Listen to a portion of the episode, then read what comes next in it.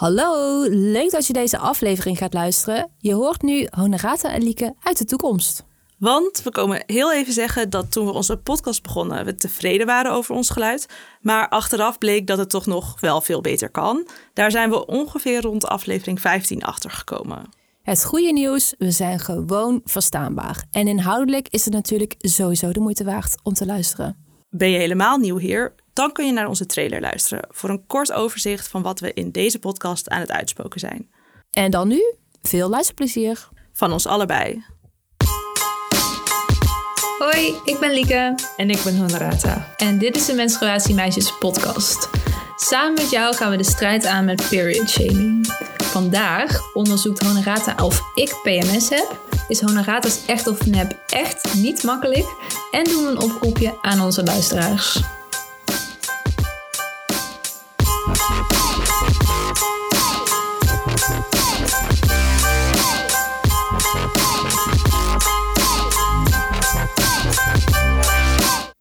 Ik heb deze week een echt of nep en ik zou hem makkelijk maken voor jou. Ja. En ik hoop dat die makkelijk is. Is dit echt of is het nep? In Japan hebben vrouwen al 70 jaar period leave.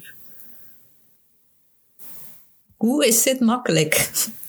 Hoe moet ik dit nou weten? period leave, dus menstruatieverlof. Ja, Hmm. oké, dan is die niet makkelijk. Ik heb ook een andere. Wil je een makkelijkere? De. Nee, deze is op zich fijn hoor. Oké. Wel fair play, hè? Ehm, ja, is dat echt of nep? Dus nu ga ik redeneren, waarom is dit dan een makkelijk feitje? Al 70 jaar, wacht even. Dat is wel heel lang. ik zeg nep. Ik weet ook niet. Ik dacht dat het gewoon makkelijk was omdat het zo een ja-nee vraag was. Maar dat Ja. is niet heel logische redenatie. Maar het is echt. Nou, Sorry. ik heb echt geen vertrouwen meer in deze rubriek. Wil je, nu die, wil je dan nu toch die andere? Ja, doe maar. Ik wil Ehm. tweede kans. Maar waarom dacht jij dat dit makkelijk Ja, was? Ik snap het nog niet. steeds Ja, niet. ik ook. Nee, omdat ik dacht dat het... eh, nee, weet ik niet, Lieke. Ik wilde een makkelijker doen en misschien is het geen makkelijker geworden. Oké. Ga ik nu makkelijker doen. Eh, gemiddeld verliest een vrouw minder dan 80 milliliter bloed per menstruatie. Is dat echt of is dat nep? 80 minuten. Even denken. Ik zit nu echt mijn keuken gereid te visualiseren. Dus als ik zo... Ken je die eetlepelmaatjes uit Amerika? Ja? Dat is 15 milliliter. Zo'n eetlepel van uit Amerika. Oké. Minder? Ja, dus minder dan 80 per cyclus. Dus dat is 5, komma nog wat. Ja. 5,333. Per cyclus? Nee, dat is eh, nep. Dat is ook echt. Jeez. Oh, ik wil niet meer. Ik vind het helemaal niet leuk. Jij bent misschien gewoon volwacht met je eetlepel. Ik dacht één eetlepel. Dat is, eh, dat moet ik, eh, dat is vijf keer zo'n cup. ja. Dat is al... Ja, er stond dat, dat als je meer dan 80 pro- milliliter had, dan had je hevige menstruatie. Oh. Dat is eigenlijk vet weinig. Ja. Dus het is Eh. zeg maar 5 eetlepels per 5,33 eetlepels per cyclus ongeveer. Een soort van normaal. Ja. Ehm, maar dat betekent dus ook, want daarom vond ik dat een leuk feitje. Dat betekent dus ook dat we vet veel ophef maken in de maatschappij. Om vijf eetlepels bloed. Ja, per maand, cyclus. Ja. Ja, ja, inderdaad. ja dus dat vond ik wel een mooie. Nou, en wat eh, doen we hier nu mee? Nu sta ik 3-0 achter. Ja, Eh, Oké. Nou, dan ga ik voor de volgende keer echt de krochten van het internet induiken. is goed. Maar op zich heeft dat de vorige keer ook niet geholpen. Toen dacht ik ook dat ik een goede had. Nou, Ja. shit. Oké. Ehm. Hmm, voordat we het vergeten, Nou, we willen een nieuwe rubriek. ja. Ja, want we doen nu een paar weken echt of net. En dat is leuk. Vooral voor Honorata. Maar we willen iets toevoegen. Eh, namelijk menstruatieverhalen. Ja, menstruatiemoment, toch? Oh ja, ja, inderdaad. We hebben een catchy naam eh, verzonnen.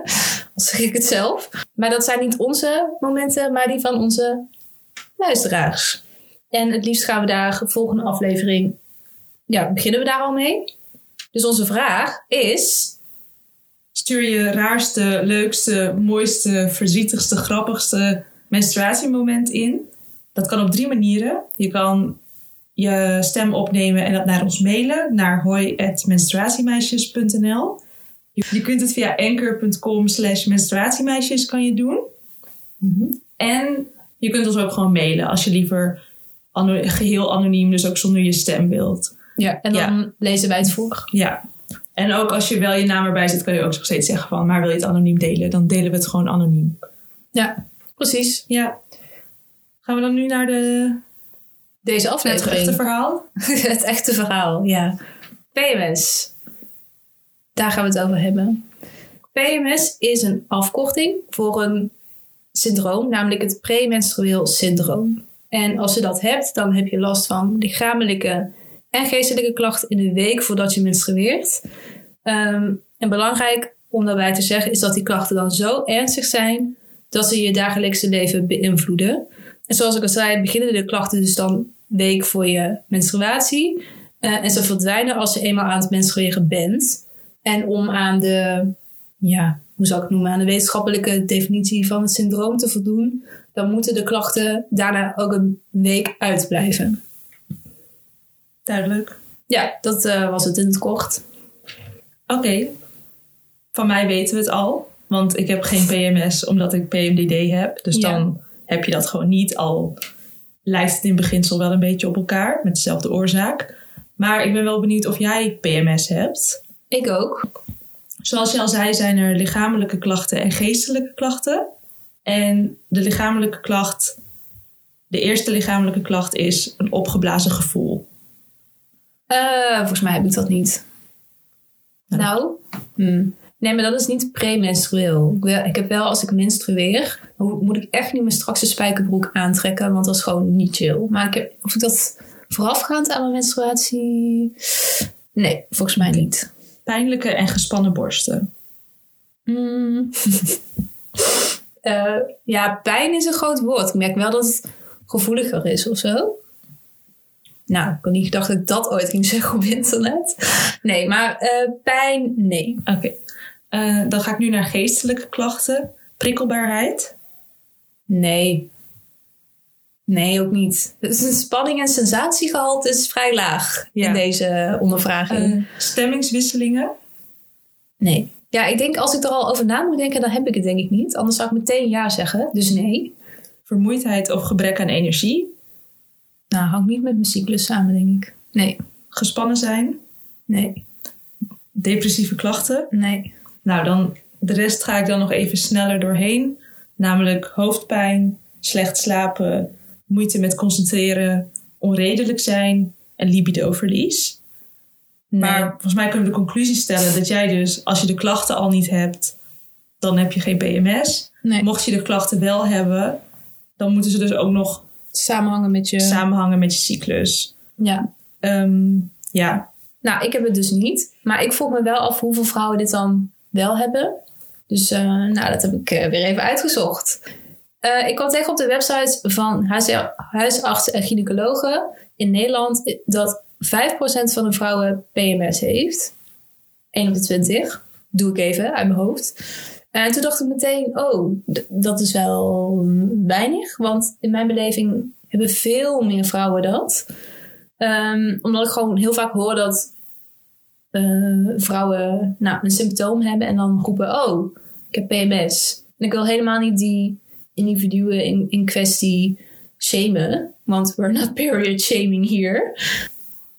Want het lijkt misschien dat ik een beetje aan, nu aan het afvaren ben op van: Oh, je hebt geen PMS, stel je niet zo aan. Maar dat wil ik helemaal niet zeggen. Ik wil juist stilstaan bij de mythe dat niet iedere vrouw die symptomen heeft ook PMS ja heeft. dus een bak ijs eten op de bank voordat je menstrueert is niet een kenmerk van PMS.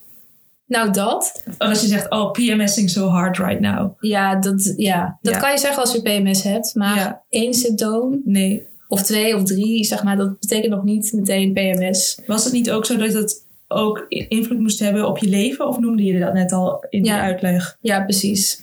Dus dat is inderdaad het belangrijkste verschil. Je kan symptomen hebben, maar zodra het invloed heeft op je dagelijkse leven, dan ja, kun je dus eh, dat PMS noemen. Ja, dus dat verschil is eh, heel belangrijk. En toen keek ik een TED-talk van Robin Stein de Luca over the good news of PMS. En dat goede nieuws was dus ook dat zo weinig vrouwen, of ja, nu zeg ik weer weinig, dat relatief weinig vrouwen het hebben. Ik zeg, ik plug best wel vaak een TED-talk, of niet? Het is gewoon mijn, Lieke, my favorite way of learning. De TED-talk van de week. Ja, ja, die kunnen we misschien wel introduceren.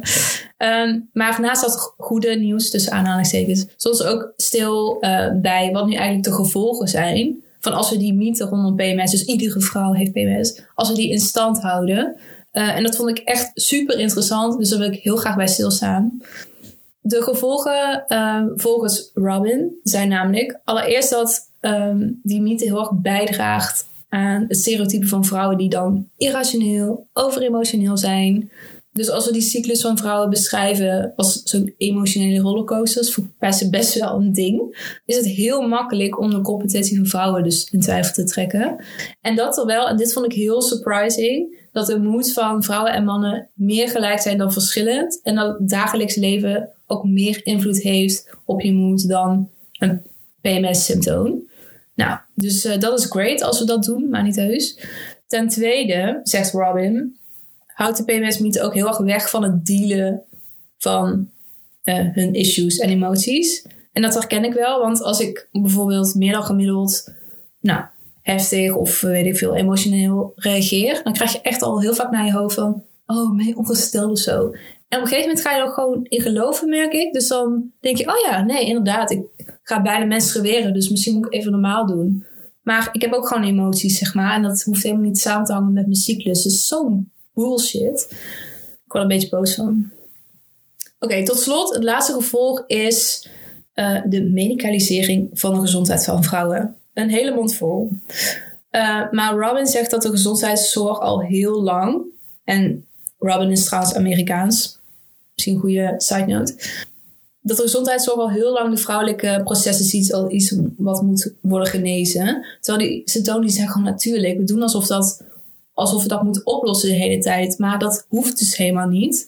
Uh, en je kan je dus voorstellen dat een behandeling tegen iets wat je niet hebt, niet bepaald uh, dat dat meer kwaad dan goed zal doen. Ja. Nou, uh, oké, okay, bottom line, die TED Talk was dus weer amazing. Ik zet hem in de show notes en uh, ik doe de groetjes aan Robin. Dan kunnen we nu denk ik terug naar de mensen die dus wel PMS hebben. En dan heb je verschillende types. Ja, er zijn verschillende types. Thanks, Lieke. um, bijvoorbeeld hoog oestrogeen, laag oestrogeen of laag progesteron. Maar omdat die info zo specifiek is per persoon en je het ook even moet tracken, gaan we daar nu niet heel diep op in. Maar we zetten het wel even ook in de show notes. Ja. Dus deze keer zijn onze show notes goed gevuld. Toch? Zeg dat wel. Ja. ja. Ik merk dat ik het vandaag best lastig vind om deze aflevering op te nemen. Kan je het aan mij merken? Uh, weet ik niet. ik, denk, ik heb het idee dat het heel duidelijk is. Maar dat komt omdat ik dus in mijn, zoals jij wel weet, maar ja. omdat ik nu dus in mijn PMDD mood de PMS aflevering aan het opnemen ja. ben. Ja. En ik voel me echt niet echt mezelf. Mm -hmm. Ik kan me ook een beetje moeilijk concentreren. Ik vroeg net ook, oh, heb je, heb je dat al gezegd? En had je gewoon gezegd. Toch? Ja. Ja. Um, dus ik wilde even benoemen dat naast PMS heb je ook PMDD. En dat is een ergere variant. Um, en ze worden vaak in één adem genoemd. Maar daarmee doe je mensen met PMDD echt tekort. Want het is echt alsof je hoofdpijn en migraine met elkaar vergelijkt. Dat je zegt, oh migraine, oh dat is een beetje zoals hoofdpijn toch? Terwijl als je hoofdpijn hebt, dat is gewoon vervelend. Maar als je echt vaak migraine hebt, dan heeft het echt veel impact op je leven. Maar daar gaan we over twee weken dus dieper op in. Ja. En dan kan ik dan ook reflecteren op mijn PMDD. Ja. Dan ga ik jou alle vragen stellen. Ja. Dan wordt het een interview. Een interview. dan ga ik jou gewoon interviewen. Ja. Ik bereid me voor. Yes. Oké. Okay. Dan kunnen we nu naar hoe je ermee om kunt gaan met PMS. Ja. Ja, stel uh, je hebt dat dus. Oh ja, over dat hebben van PMS. Uh, je kan dus niet bloed prikken. Als je erachter wilt komen of je PMS hebt, dan vraagt je huisarts je waarschijnlijk om een klachtenkaart in te vullen. En dat betekent dat je elke dag dan aangeeft of trackt hoe voel ik me. Eh, en dan kun je na, nou, ik weet niet hoe lang je dat Twee maanden. Oké, twee maanden. Eh, dan kun je eh, zien of het verband houdt met je cyclus. En zo bepaalt, bepaalt men dus of je PMS hebt. Ehm, Het kan ook met een app trouwens. Bijvoorbeeld Clue. Clue. Of die andere app, maar die weet ik nooit, want ik ben Clue-fan. Ik ook. Dus en soms is dat misschien makkelijker om het via een app te Ja. doen. Ja. Want die herinnert je ook van, hey, vul Ja, me in. Die is ook wel die is ook gewoon slimmer dan een A4'tje waarschijnlijk. Ja, ik hoop het. Als je het dus hebt, dan zijn er een aantal eh, dingen die je kan doen om er beter mee om te gaan. En er zijn een beetje drie categorieën.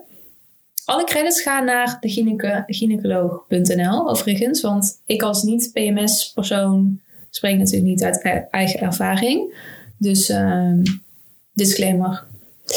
Categorie 1 is een beetje wat je zelf kan doen. Bijvoorbeeld regelmatig bewegen en gezond eten. Maar ook juist vooruitkijken en erover praten. En die eerste twee voelen voor, ja, voor mij een beetje als een open deur. Dus vooral die laatste twee zijn denk ik belangrijk. Eh, en dat vooruitkijken, nou, dat lijkt me chill.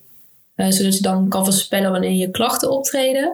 En dan kun je er ook echt rekening mee houden. Volgens mij doe jij dat ook zo, toch? Ja, ik eh, merk wel dat ik mezelf soms een beetje voor de gek hou. Want soms lukt best wel veel tijdens ook mijn moeilijke dagen. Ja. Ehm, en dan denk ik, oh, de volgende keer als ik dan weer mijn PMDD-dagen heb, dan eh, lukt vast ook wel wat. En dan plan ik dus iets in dat ik dan iets moet doen, wat echt dan moet, zogenaamd. ja. Maar soms lukt dat niet. En dan, nu merk ik echt van, hun rata, blok die dagen helemaal vrij. Mhm. Als het iets lukt, is mooi. Maar ja, ik kan het gewoon zo niet garanderen. En ik maak het dan ook zo moeilijk voor mezelf om in die heftige dagen ook nog zoveel van mezelf te vragen. Ja. Dus eigenlijk geldt het dan denk ik ook voor PMS. Van neem echt die ruimte als het kan. Ja. Ik hoop dat dat mensen lukt. Ja. Ja, dus er rekening mee houden en jezelf eh, rust gunnen. Eh, en erover praten, want ja, als je gewoon met mensen samenleeft, dan lijkt het me ook chill als zij begrijpen hoe die klachten zijn voor je en hoe zij jou eventueel kunnen helpen daarbij. Categorie 2 is medicijnen. En de laatste categorie is eh, categorie operatie. Eh, en dan heb ik het over het verwijderen van je baarmoeder en eierstokken. Nou, dat klinkt wel echt heftig. Of nou, dat Ik is gewoon wel- heftig. Het is echt heftig. Ik, ik heb het soms gezegd bij mijn PMDD van ja, eh, wat kan is dat je dan je eierstokken weghaalt of je baarmoeder of zo. Ja, Als je dus klaar bent met je kinderwens of die niet hebt. En dan doen mensen echt net alsof, oh ja, als je ze niet meer nodig hebt, pff, waarom Ja. zou je ze dan ook niet laten zitten, zeg maar. En dan denk ik, terwijl je gaat al vervroegd in de overgang en Ja. het is ook echt een operatie. dus niet Eh, per se goed voor je gezondheid. Nee, dus dan denk ik, nou kunnen we iets minder casual doen over mijn organen dan, oké, thanks. Ja. True that. Ja. Ja. Maar ik denk dat het belangrijkste van dit verhaal is dat PMS echt niet alleen maar iets negatiefs is. Ik denk dat iets anders het belangrijkste is. Oh, Ik denk dat het belangrijkste is dat als je dat hebt, dan is dat gewoon een feit. En daar kan je Ja. eigenlijk niks aan veranderen. Ja. En het enige wat je kan doen is proberen om goed voor jezelf te zorgen. Omdat Ja. je daar uiteindelijk ook de meeste baat bij hebt. En ik denk dat ook acceptatie een groot deel is. ja. Ik denk dat dat het allerbelangrijkste is. Ja. Maar er zijn wel positieve kanten aan PMS. Ja. Eh, ja, die heb ik ook eh, gelezen. Bij Clue. Waar anders, want Clue eh, is amazing. Maar ja, die ga ik nu eh, niet opnoemen. Die zetten we ook even in de show notes, denk ik. Yes. show notes, place to be. ik ging op zoek naar PMS in de maatschappij. Van hoe gaan we daarmee om? En hoe zit het met feminisme? Van als je ruimte inneemt voor je PMS, is het, dat dan een afbreuk aan die gelijkheid die je als feminist probeert te bereiken? Mhm. En ik heb me dus gefocust op PMS in de workplace, want dat was gewoon een heel makkelijk punt waar je.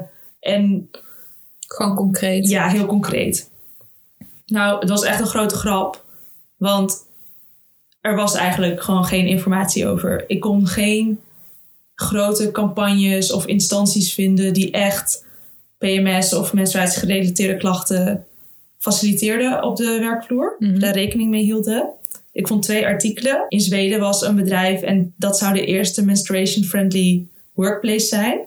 En dan vervolgens zei zo'n manager: Ja, het is toch wel een beetje awkward. En gaan vrouwen nu niet eh, hun hormonen gebruiken als soort van smoesje om hun werk niet op tijd af te krijgen? Ik denk het ook. Ja, toen dacht ik echt, oké. ten eerste waren ze er al een experiment aan, mee aan het doen. En ten tweede weet je dat het in de krant komt. Ja. Dus hmm, vond het niet heel inspirerend. En ik vond nog een artikel. Maar die kon ik later niet meer terugvinden. Maar het was een bedrijf. En die, wilde, die had, eh was volgens mij door twee vrouwen geleid. En zij wilde plek maken voor vrouwen om hun cyclus bij te, eh, aan te geven. In een soort van gezamenlijk drive bestandje. Zodat je collega's er ook rekening mee konden houden. Maar Wat vind zou- jij daarvan? ja, ik zat jou net uit te kijken. Wat zou jij daarvan vinden? Ja. Ik zou dat niet doen, denk ik meteen. Maar ik ben even aan het nadenken waarom ik dat niet zou doen. Ehm, Ik kan wel een antwoord geven anders. ja, ja, dat kan. Ja.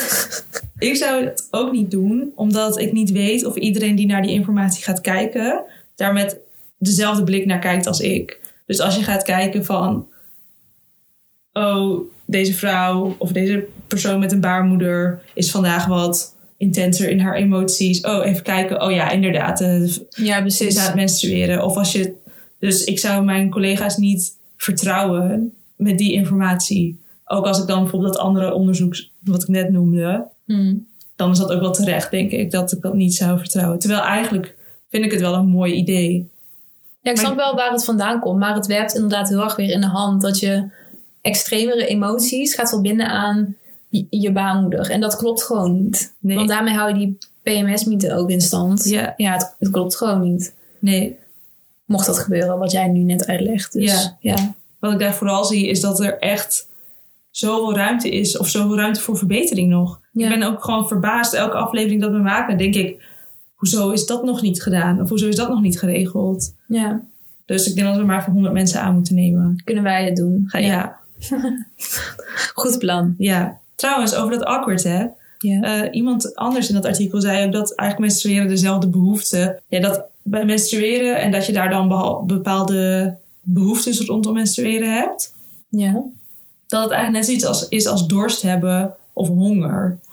En dat je dan gewoon recht hebt op drinken of op eten of op pauze. Ja, maar zo Ja. zie ik dat ook. Maar het wordt zo compleet, menstruatie wordt zo compleet uit context getrokken Ja. altijd. Maar het is gewoon een natural need, people. Ja. Dit vind ik wel inspirerend. Stond dat ook in de krant?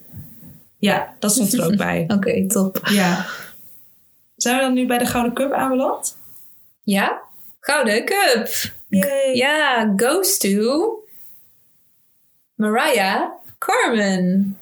Zij is een menstrual health onderzoeker sinds 2017. Eh, en heeft echt een amazing Instagram account waar ze nou, alle schaamte rondom menstruatie lekker aan het eh, doorbreken is. Ehm, ik zag ook, ze maakt ook van die memes over menstruatie. En ik vind sowieso dat je al een meme of eh, een gouden cup verdient als je memes maakt. En dan ook nog over menstruatie. Nou, echt helemaal fantastisch. En ook reels, die zijn ook heel leuk. Ja, de reels zijn ook, die hebben we ook een keer gedeeld, toch? Ja. ja. Dus wij zijn helemaal fan. Eh, en ja, als je je goed wil voelen over je menstruatie, dan eh, kun je haar dus volgen. En ook leuk eh, de achtergrond waaruit zij het doet. Dus echt vanuit een wetenschappelijke Ja. achtergrond. Dat vind ik heel mooi. Ik ook. Ja. Nou, top. En je kan haar volgen op... Periods with Mariah Carmen. Oké, goed. Zet het ook in de show notes. Ja. Alles in de show. Ja. Goed. Dat was hem voor vandaag, toch? Ja. Shout-out. Ja, oh ja. Vo- voordat we het vergeten. Ja, Ja. want op dit moment hebben we 18% mannelijke luisteraars. Vet veel. Yay. Yay. Leuk dat je er bent. Laat van je horen. Review. Mail ons. Stuur een voice ding. Deel het menstruatiemoment van de mensen om je heen. Mag allemaal. Yes. Yes. Dat was de shout-out. Ja, was een goede shout-out? Ja, een goede shout-out. Eh, je kan ons ook volgen, het menstruatiemeisjes. Eh, en vergeet niet je menstruatiemoment in te sturen. Daar zijn we echt heel benieuwd naar. Ja. Je hebt het twee keer gezegd, moet het wel goed komen, toch? We rekenen op jullie. We rekenen op jullie, ja. Oké, Oh, bedankt. tot de volgende. Doei. Doei!